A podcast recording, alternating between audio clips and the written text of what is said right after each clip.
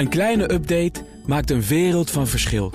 Daarom biedt IKEA voor Business Netwerk gratis snelle interieurtips en ideeën. Word gratis lid en laat je werkplek voor je werken. IKEA, een wereld aan ideeën. Stel je eens voor. Wat zou er gebeuren als alle supermarkten morgen hun deuren sluiten? In de films zouden mensen gaan plunderen.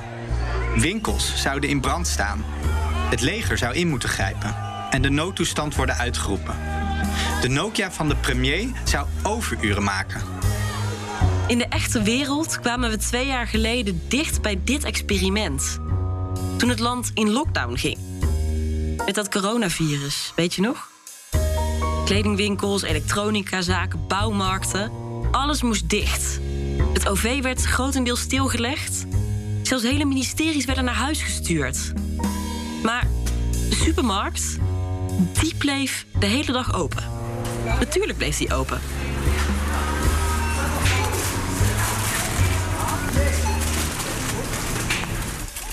De supermarkt is al lang geen luxe meer, maar bittere noodzaak.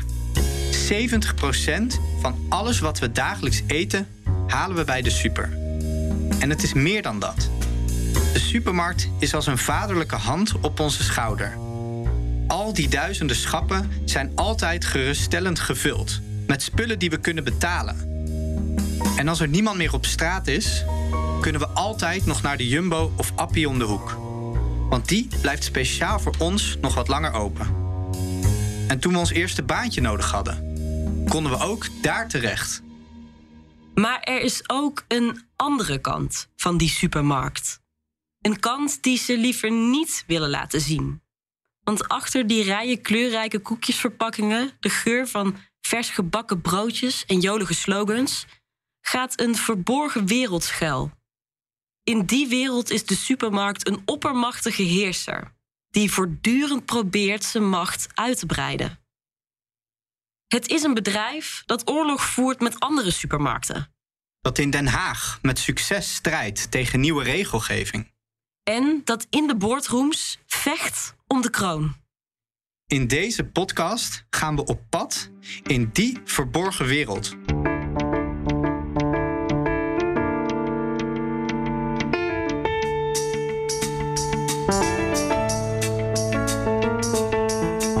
Ik ben Bijke Looijsen. En ik ben Tobias van der Valk. En dit is Hoge Bomen, een podcast over de meest invloedrijke bedrijven van ons land. In dit seizoen onderzoeken we Jumbo, een kleine Veghelse supermarkt die in 25 jaar tijd veranderde van regionale groothandel naar een supermacht in de retail. Ruim een half jaar lang hebben we onderzoek gedaan naar Jumbo. In deze podcast nemen we je mee in dat onderzoek. Bekijk hoe Jumbo zijn macht heeft verzameld, wat het ermee doet en op welke manier het onze levens beïnvloedt. We gaan op zoek naar de mensen achter het bedrijf. Want wie is die familie die iedereen verraste en wat drijft hen? We spreken met boeren en distributeurs om te begrijpen waarom een deel van hen zo boos is op Jumbo. We vragen concurrenten hoe het kan dat ze zo werden verslagen door een familiesupermarkt uit een klein Brabants dorp. We nemen een kijkje in de boardrooms, waar een harde strijd om territorium wordt gevoerd.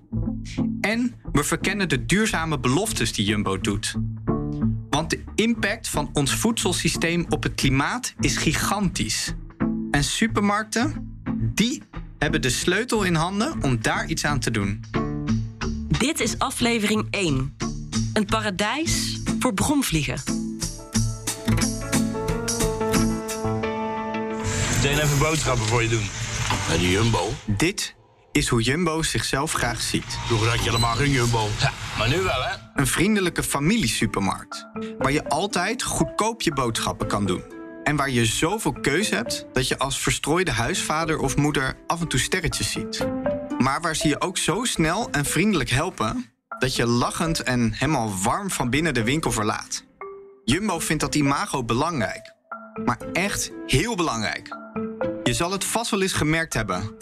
Als jij tv kijkt, kan je niet om Jumbo heen. In 2021 besteedde Jumbo 92 miljoen euro aan commercials op de Nederlandse televisie. Het hoogste bedrag van alle Nederlandse bedrijven. Schaatsen. En dan gaat hij, op karakter. Jumbo, trotse sponsor van onze schaatsploeg. En sinds een aantal jaar is Jumbo ook op andere vlakken flink geld gaan steken in zijn imago. In de eigen schaatsen- en wielenploegen bijvoorbeeld. Of in Max Verstappen. Samen zetten we Zandvoort op zijn kop. Max, namens de hele Jumbo-familie, heel veel succes. En natuurlijk is Jumbo ook online overal aanwezig. Van banners en gepersonaliseerde advertenties tot allerlei eigen apps. En via Smulweb, de receptenwebsite die Jumbo eerder al overnam. Jumbo heeft zelfs een eigen populaire meidengroep gehad. Jumbo.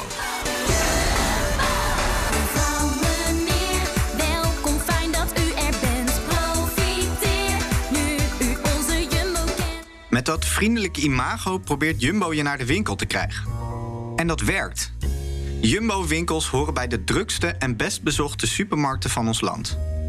Maar je raadt het al, dat imago van Jumbo is maar de helft van het verhaal. Wij gaan het hebben over de marketing die je niet ziet, maar waar net zoveel geld in omgaat. En waar de effecten veel en veel groter van zijn dan je denkt.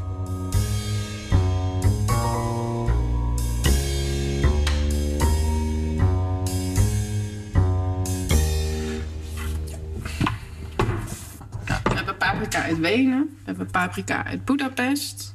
Maar we hebben wel voorlopig genoeg. Dat zeker. Twee types sriracha saus. Geen idee wat het verschil is. Zijn echt exact hetzelfde. We zitten hier even in de studio van BNR. En naast me zit Bijke. Hoi Bijke. Hey. Ja, ik heb dus best wel veel dubbele dingen in mijn voorraadkast staan. Ik koop heel veel sausjes, allemaal dubbele eh, potjes eh, met kruiden, heel veel chips en dat soort dingen. Hoe, hoe is dat bij jou eigenlijk? Eh, ik denk iets minder impuls dan bij jou. Maar eh, ook, ik, ook ik stop altijd wel een paar dingen in mijn mandje die ik niet nodig heb. Of die ik niet van tevoren had bedacht. Ehm, ik maak wel een boodschappenlijstje. En dat is volgens mij een goed idee. Want wij zijn gaan uitzoeken hoe het komt dat we allebei zoveel dingen kopen die we niet nodig hebben. En dan schrik je ook wel een beetje. Want die dingen eindigen allemaal niet toevallig in ons mandje. We worden veel meer gestuurd dan we denken in de supermarkt. Een lijstje helpt dan een beetje. Maar toch ben ik wel benieuwd hoe dat dan komt en hoe het dan echt werkt. Dat we toch steeds weer die dingen opnieuw in ons mandje blijven stoppen. Nou, zelfs als je weet dat het Dat gebeurt. het gebeurt. Ah. Ja.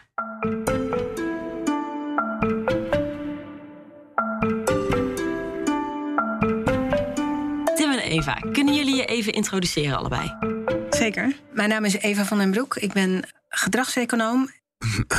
Oké. Eh, ik ben Tim den Heijer. Ik ben eh, creatief stratege bij Brain Creatives. We gingen praten met Tim en Eva. Tim is reclamestrateeg en werkte tientallen jaren aan grote reclamecampagnes, ook voor supermarkten. Hij zag dat in die campagnes steeds meer gebruik werd gemaakt van kennis over menselijke zwakke plekken om extra spullen te verkopen. En Eva doet als gedragswetenschapper al jarenlang onderzoek naar hoe ons brein werkt. En samen keken ze naar al die subtiele beïnvloeding die in winkels wordt gebruikt om ons te sturen. Ze schreven daar ook een boek over en bedachten er een term bij: het bromvliegeffect. Het bromvliegeffect, dat betekent dat iets kleins meer invloed op je gedrag heeft dan je zou denken. Het is misschien wel iets waarvan je snapt waarom het er is. Je snapt wel waarom dat reclamebordje daar hangt, of je snapt waarom die afprijzing er is. En je denkt dat je het doorziet. Maar als je dan uiteindelijk het gaat onderzoeken, blijkt dat die invloed groter is dan je dacht. Maar waarom bromvliegen? Tim legt het uit.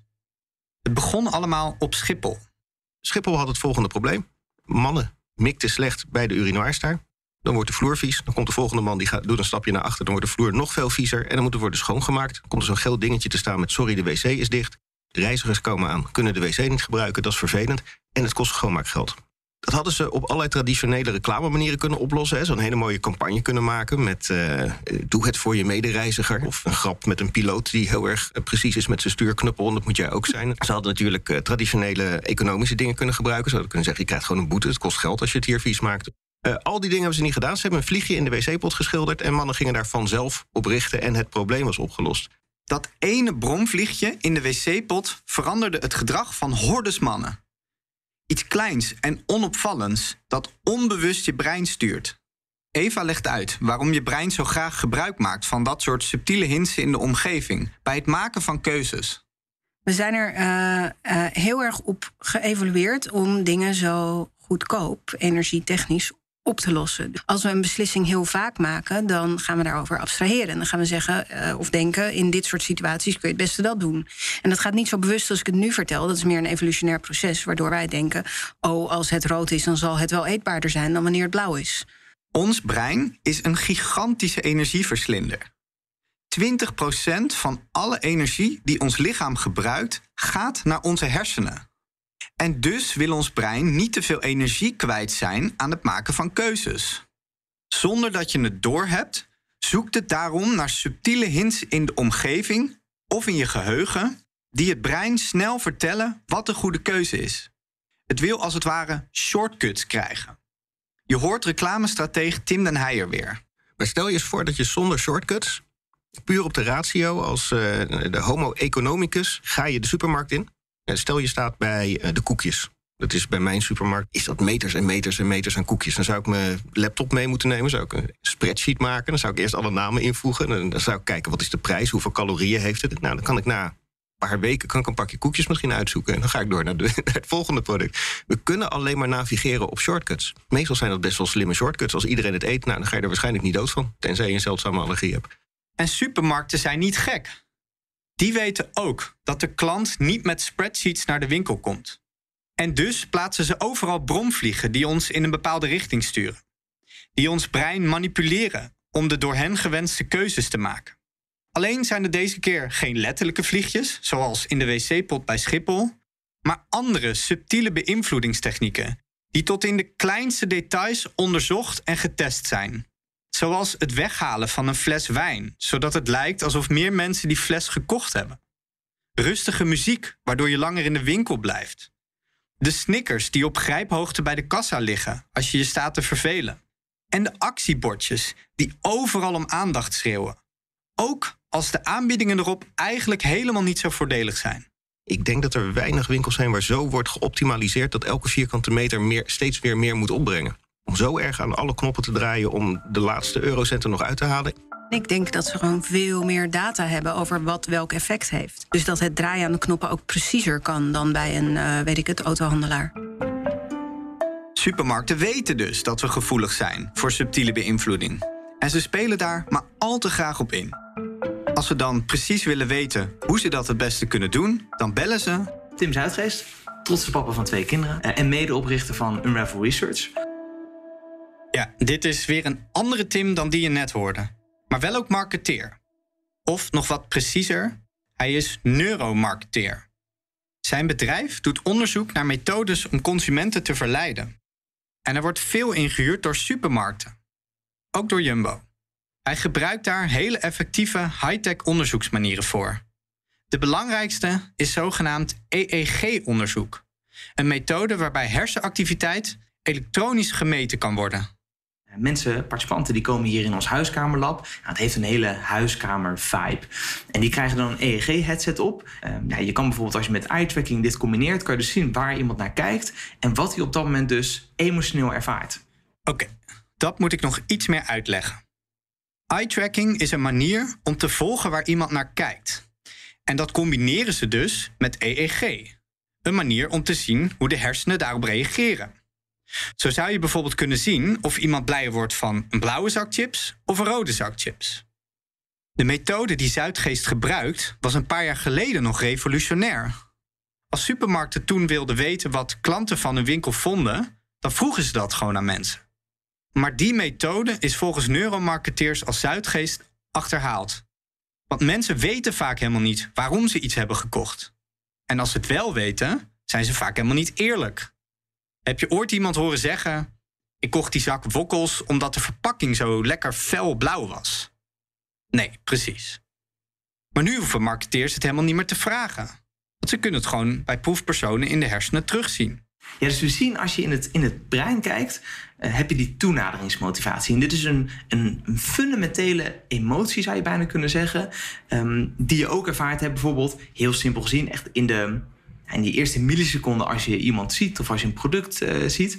Eh, maar ook net zo goed hè, als er een leeuw is, dan heb je direct, oeh, daar moet ik van weg. Dus heb je direct die afkeermotivatie. Als jij een headset van Tim Zuidgeest op hebt, en je vindt iets leuk of aantrekkelijk, dan ziet hij dat in grafieken en kleurtjes op zijn monitor.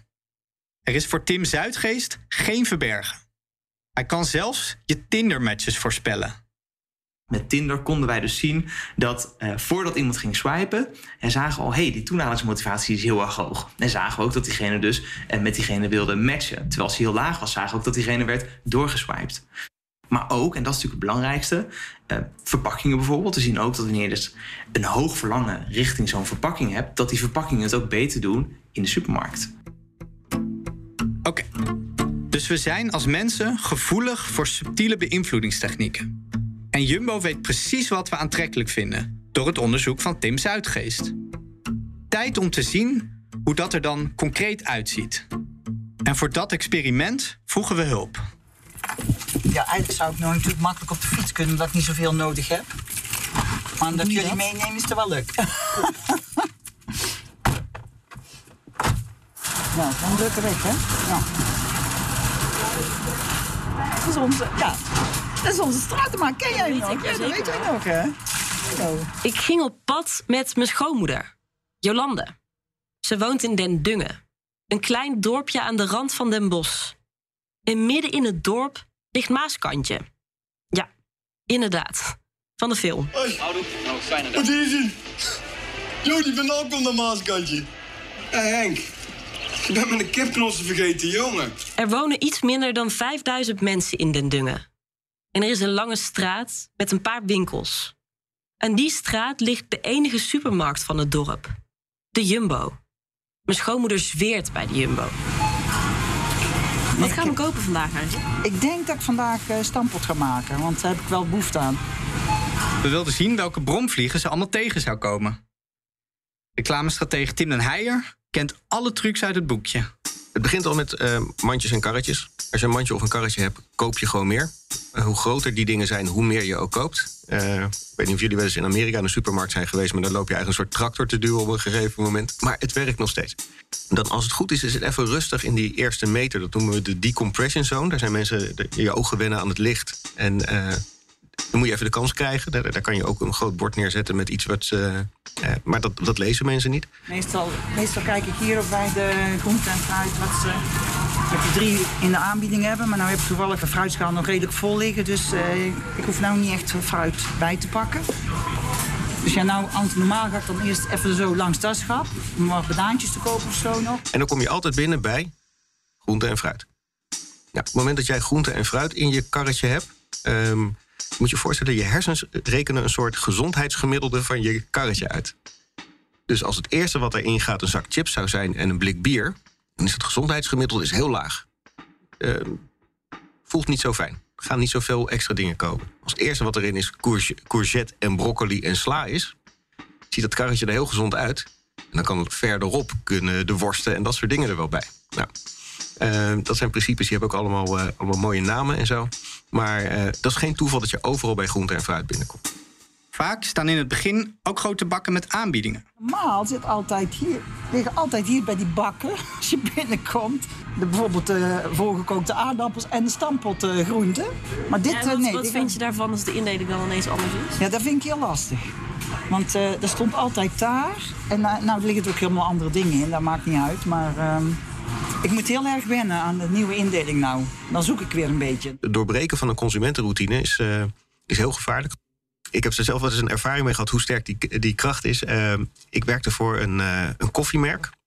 En ik had een campagne daarvoor gedaan. En in die periode waren de sales van het koffiemerk heel erg toegenomen. Dus ik dacht, ik ben een reclamegenie. Dit is een fantastische campagne. En toen zei ze, ja, ho, ho, want er is iets anders gebeurd in diezelfde tijd. En dat is onze belangrijkste concurrent heeft zijn verpakking radicaal vernield. En het pure feit dat mensen niet meer op routine de concurrent konden kiezen... doorbrak dus hun trouw aan die concurrent... en zette de deur wagenwijd open voor... wij hadden dus eigenlijk tussen aanzicht geluk dat wij met een sterke campagne kwamen... op het moment dat die trouw afnam, omdat de routine doorbroken was. Tegelijkertijd zal elke supermarkt eh, eens in de zoveel jaar... De, de inrichting een klein beetje een tikkie geven. Dat opeens moet je weer zoeken waar de eieren staan... om je een klein beetje uit die routine te halen... zodat je weer nieuwe categorieën gaat ontdekken misschien daar. Maar het bouwen van een routine natuurlijk ook met de vaste klantenkaart... en alle gegevens die je daarvoor hebt... en eh, eh, al je acties aankondigen met ze zijn er weer. Hè? Dat zijn ook weer routines binnen routines. Eh, dat is een ontzettend waardevol iets voor ze. Het doorbreken van een routine is gevaarlijk. Maar het gebeurt dus ook bewust. Want dan ontdek je weer nieuwe dingen. En de supermarkt hoopt natuurlijk dat je die koopt. Zo. Ja, het is ook wel een beetje de vaste stramien, hè, wat ik boodschappen doe. Weet ik ook niet of dezelfde de- route. Ja. In principe wel, ja. Ja. Ik, loop wel, ik ga wel echt overal langs, want anders ben ik bang dat ik dingen vergeet die je in je route altijd pakt. Ja. De chips. Hm. Dat is niet de bedoeling. Die ligt verkeerd hier. Heeft iemand zich ook bedacht? Oké. Tim, kom er maar in. De regel is eh, eye level is buy level. Mensen kopen wat op ooghoogte staat. Er is een heel leuk onderzoek gedaan, eh, of een test eigenlijk... waarbij ze eh, een geliefd chipsmerk, wat op ooghoogte stond... helemaal naar beneden verplaatsten... en een B of C-merk, wat niet geliefd was, op ooghoogte zetten. Dat had een gigantische impact op de sales. Dus ja, wij reclamemakers denken dat we een love brand hebben gebouwd... waar mensen echt omgeven. Hè? Maar als je dus door je knieën moet zakken om je love brand te pakken... dan pak je dus opeens de, de concurrent. Nou wil ik hier even de appelmoes hebben. En soms van haar koop ik dan altijd wel als er vier potjes voor 3 euro hebben of zo. Meestal koop ik het gewoon de goedkoopste die er dan bij staat. En dat is dan vaak de Jumbo. Ja, een, een, een paar klassieke supermarkttrucs. Wat, wat heel erg scheelt is eh, als je iets helemaal uit het schap haalt en je legt het in een grote bak. Ehm, bij sommige producten hoeft het dan helemaal niet in de, in de aanbieding te zijn. Het voelt alsof het in de aanbieding is. Er is wat mee, dus ik neem het mee. Dat kan heel veel eh, invloed al hebben. Dus hoe iets gepresenteerd wordt.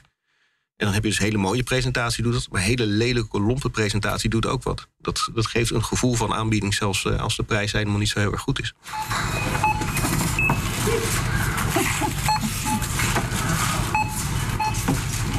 Nou, je sparen voor de messenbijken.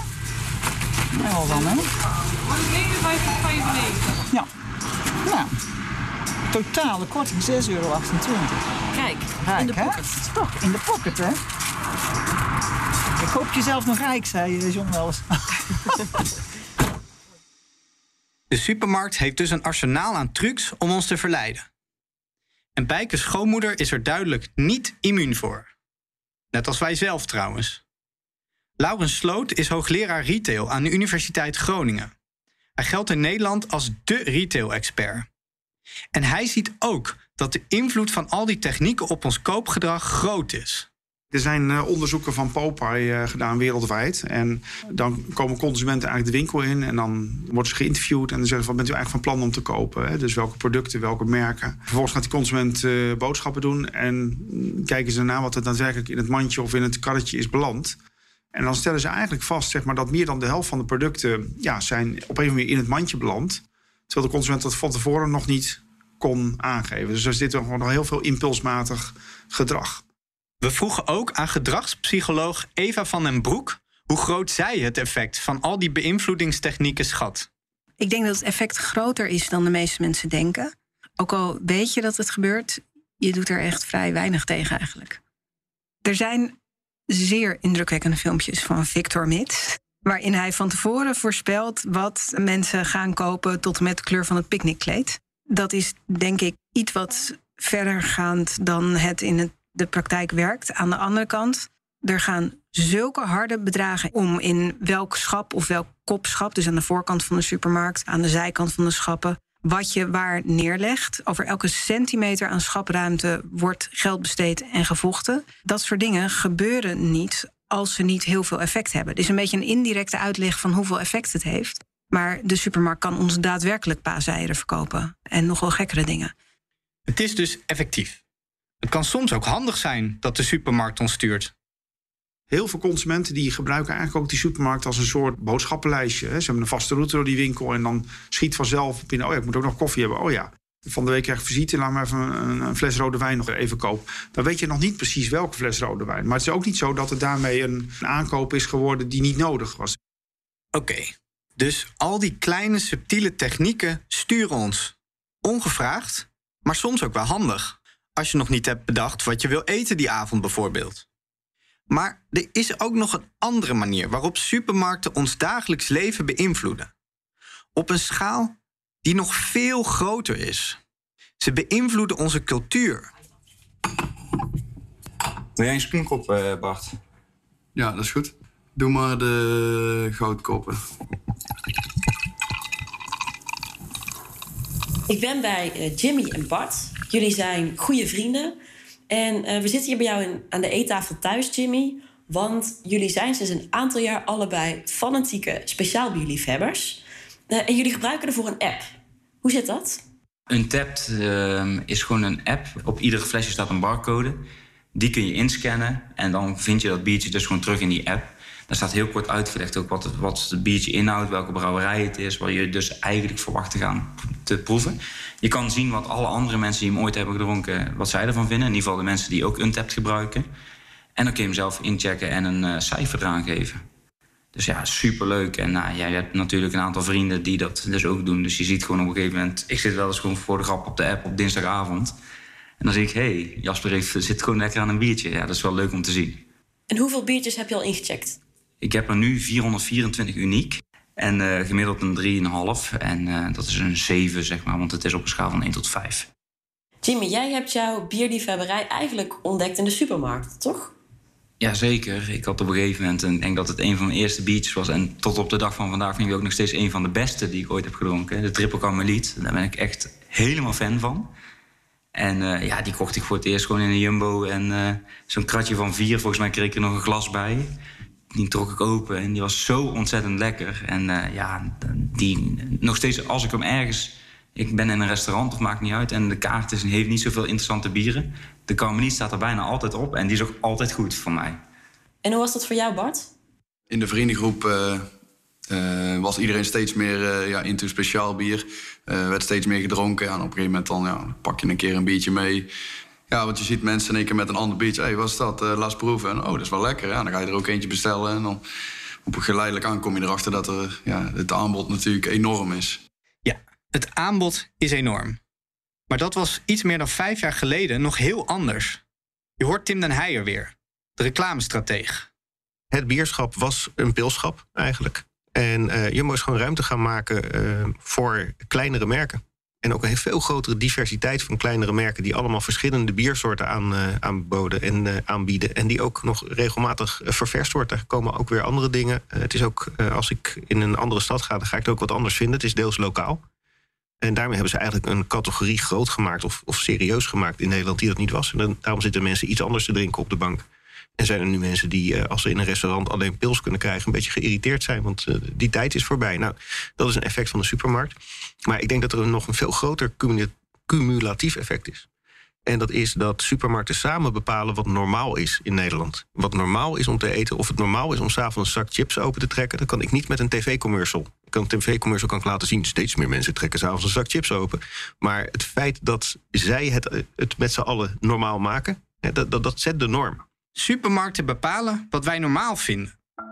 En nu hoor ik je denken: wat maakt mij het nou uit dat een groep vrienden is overgestapt van pils naar speciaalbier? Lekker belangrijk. Maar wat als we het niet over bier hadden gehad, maar over vlees? En dat de supermarkt had besloten die schapruimte te geven aan de vegaburger. En alles op alles zou zetten om die over vijf jaar populair te maken. Misschien zouden er nu dan wel veel meer vegetariërs zijn. Of wat als de supermarkt had besloten dat tropische vruchten te veel gedoe zijn? Misschien hadden we dan wel nooit stukjes kiwi of mango meegenomen op schoolreisje. Of wie weet, misschien zijn alle chips deze winter wel oranje als Nederland het WK speelt. En dan kom je natuurlijk uit bij die ene vraag. Maakt het uit dat de supermarkt ons zo beïnvloedt in wat we kopen en in wat we normaal vinden als het om eten en drinken gaat? We vroegen het aan Eva. Dit is in feite een vraag die te maken heeft met de, ja, met de ethiek. Uh, is het oké als je gemanipuleerd wordt? Ja, in het algemeen zeg ik ja, als mensen weten dat ze gemanipuleerd worden, je moet dat schap toch op de een of andere manier inrichten. Dus um, ja, ja, wat doe je er tegen? Zeg maar? Je kan moeilijk een bromvliegvrije supermarkt bouwen. Aan de andere kant, ik denk dat het wel hard relatief hard doorslaat één bepaalde kant op. Het lijkt mij bijvoorbeeld heel ideaal als je zou kunnen kiezen, bijvoorbeeld online, tussen een supermarkt waarin de bromvliegen uh, jou richting het goedkoopste duwen, eentje waarin de bromvliegen jou richting het gezondste duwen, en eentje waarin de bromvliegen jou richting het duurzaamste product duwen, bijvoorbeeld. Of dat je zelf een selectie kunt maken om je dus ietsje bestendiger te maken tegen de verleiding van die bromvliegen. Je kunt natuurlijk ook gewoon zeggen: Jumbo is een enorm bedrijf. Met ruim 100.000 werknemers die betaald moeten worden. En dat financieel gezond moet blijven in een extreem competitieve sector. Dat snappen wij ook. Kan je het een supermarkt kwalijk nemen dat ze net als andere bedrijven zo slim mogelijk haar producten probeert te verkopen? En winst wil maken. En we zijn er natuurlijk zelf bij als we in de supermarkt lopen. We worden gestuurd. Maar het is niet alsof Jumbo ons met een honkbalknuppel dwingt een zak chips in ons mandje te stoppen. Klopt, allemaal. Maar het punt is, de keuzes die de supermarkt maakt, die maken uit. Ze raken veel meer dan alleen onze portemonnee. De impact van al die kleine sturende supermarktbromvliegen opgeteld is totaal anders dan bij een kledingwinkel of een schoenenzaak. Want we kopen 70% van alles wat we eten daar. Dat is elke dag weer een berg aan boterhammen, bananen en chocoladekoekjes. Spullen waar we niet zonder kunnen. En die we in ons lichaam stoppen. Jumbo heeft daarmee macht. Veel meer macht dan ze willen toegeven. Macht over onze gezondheid, over onze eetcultuur en over ons voedselsysteem. De grote vraag is: wat doet het nu met die macht? En hoe wil het die in de toekomst gaan gebruiken? En wat zou er allemaal mogelijk zijn als die macht nog veel meer ingezet zou worden om de wereld te verbeteren? Dat zoeken we uit. Maar eerst willen we snappen hoe Jumbo aan die macht gekomen is. Hoe die kleine, onbekende supermarkt uit Brabant in onwaarschijnlijk korte tijd kon groeien tot de gele reus die het nu is. Van de winkel gaan we daarom volgende week de boardrooms in. Iedereen dacht van, ja, wat is dat? Het is een, een, een, een onbetekenend groot handeltje met, met een paar winkeltjes daar in Veghel. Ja, een groezelig industrieterreintje aan de periferie. Niemand nam dat serieus. Het is gewoon heel diep ademhalen en denken: oh oh, dit is spannend. Want er staan er 300 ogen naar mij te kijken. En die denken niet: hé, hey, wat ben jij een leuke gast. En wie is die familie achter Jumbo eigenlijk? Ik belde Frits wakker. Ik zeg, beter meer dat ik 20 miljoen bied. Ja, zegt hij, dat is, dat is goed, joh. Regel jij het met Ton, maar zorg dat je het binnenhaalt... want eh, anders dan gaat het niet gezellig worden. Dit seizoen van Hoge Bomen is een productie van onderzoekscollectief Spot on Stories en BNR. Met Wendy Beenakker als bevlogen projectbegeleider. Onmisbare hulp bij de edit door Wesley Schouwenaars en Juri Buis. De muziek die je hoorde is van André Dortmund en Klaas-Peter Olijnsma. De eindmixage is gedaan door Niels de Keukelaren. Hulp bij de research kregen we van Anna Deems en Matthijs Smit. Verder kregen we ongelooflijk waardevolle adviezen van Jeroen Smit, Rupert Parker Brady en Siona Houthuis. Deze podcast kwam tot stand met hulp van financiering door het Stimuleringsfonds voor de Journalistiek en het Fonds Bijzondere Journalistieke Projecten.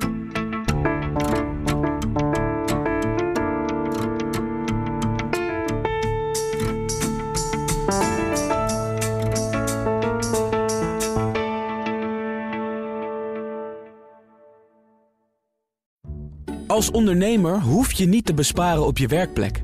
Want IKEA voor Business Netwerk biedt korting op verschillende IKEA-producten. Word gratis lid en laat je werkplek voor je werken. IKEA, een wereld aan ideeën.